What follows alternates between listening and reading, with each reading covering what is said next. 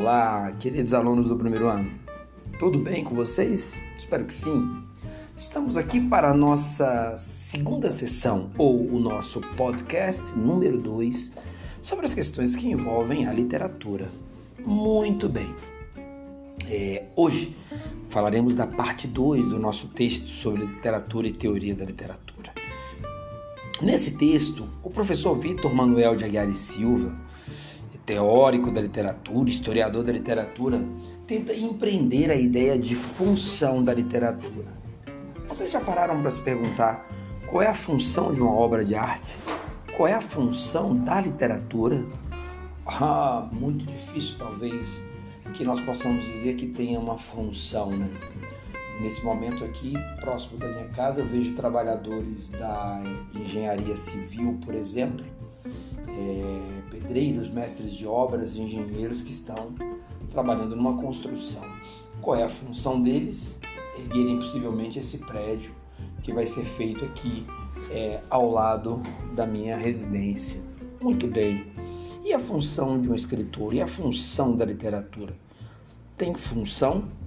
A primeira questão que aparece nesse texto é uma expressão latim, latina de que para Horácio os poetas aut prodesse, aut delectare. Ou eles tentam ser úteis, ou eles tentam deleitar. O que, que é deleitar? Deleitar é trazer prazer às pessoas.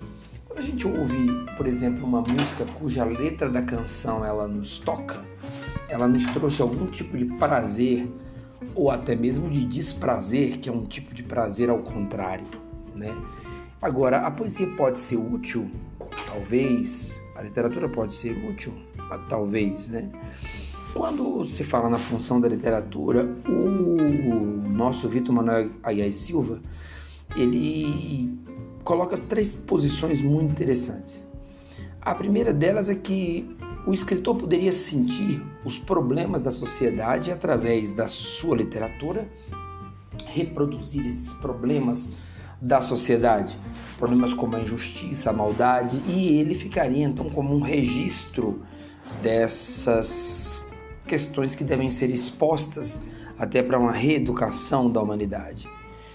Ele também nos trata e nos fala de que o escritor pode ser aquele que revele os seus sentimentos mais íntimos. E a partir dos seus sentimentos mais íntimos, ele não só coloque as pessoas para fazerem uma visita é, sentimental, crítica e autocrítica de si mesmo, mas também é, possam conhecer que eles não estão sozinhos em alguns dos sentimentos que são mais fortes no ser humano, como a solidão, a angústia, o medo, o amor, o ódio, o tédio, a vontade. É, há ainda uma possibilidade mais transcendental, que a terceira que ele levanta, de que a literatura poderia nos conectar com o que há de mais. É, eu, vou, eu posso usar a expressão divino, como posso também usar a expressão transcendental. A literatura nos permite construir, inclusive, mundos inimagináveis e possibilidades é, inimagináveis, uma vez que nós possamos estar descontentes com o mundo que temos. Por isso, é, o sonho, a utopia e a criação de mundos possíveis e impossíveis seria também um dos papéis ou uma das funções da obra literária. Eu não vou me estender muito hoje, é só para dizer a vocês dessa função da literatura e lembrar uma coisa: todas as vezes que buscamos a função, buscamos a função de uma arte, né?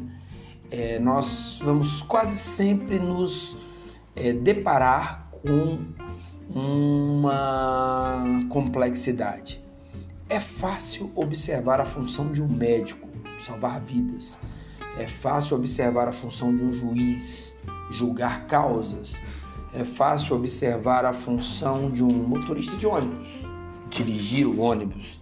Mas e a função de uma arte, a função do artista? A função de uma pintura de Picasso, a função de uma é, escultura de Michelangelo, a função de uma é, composição musical de Johann Sebastian Bach, a função de uma obra literária de Homero ou de Dante Alighieri ou de Machado de Assis. É, uma vez que a literatura é uma das grandes artes, né? É, podemos identificar que a grande função é, além de fazer parte da nossa cultura, fazer um retrato distinto da realidade que temos todos os dias. Muito obrigado, meninos, e até o próximo podcast.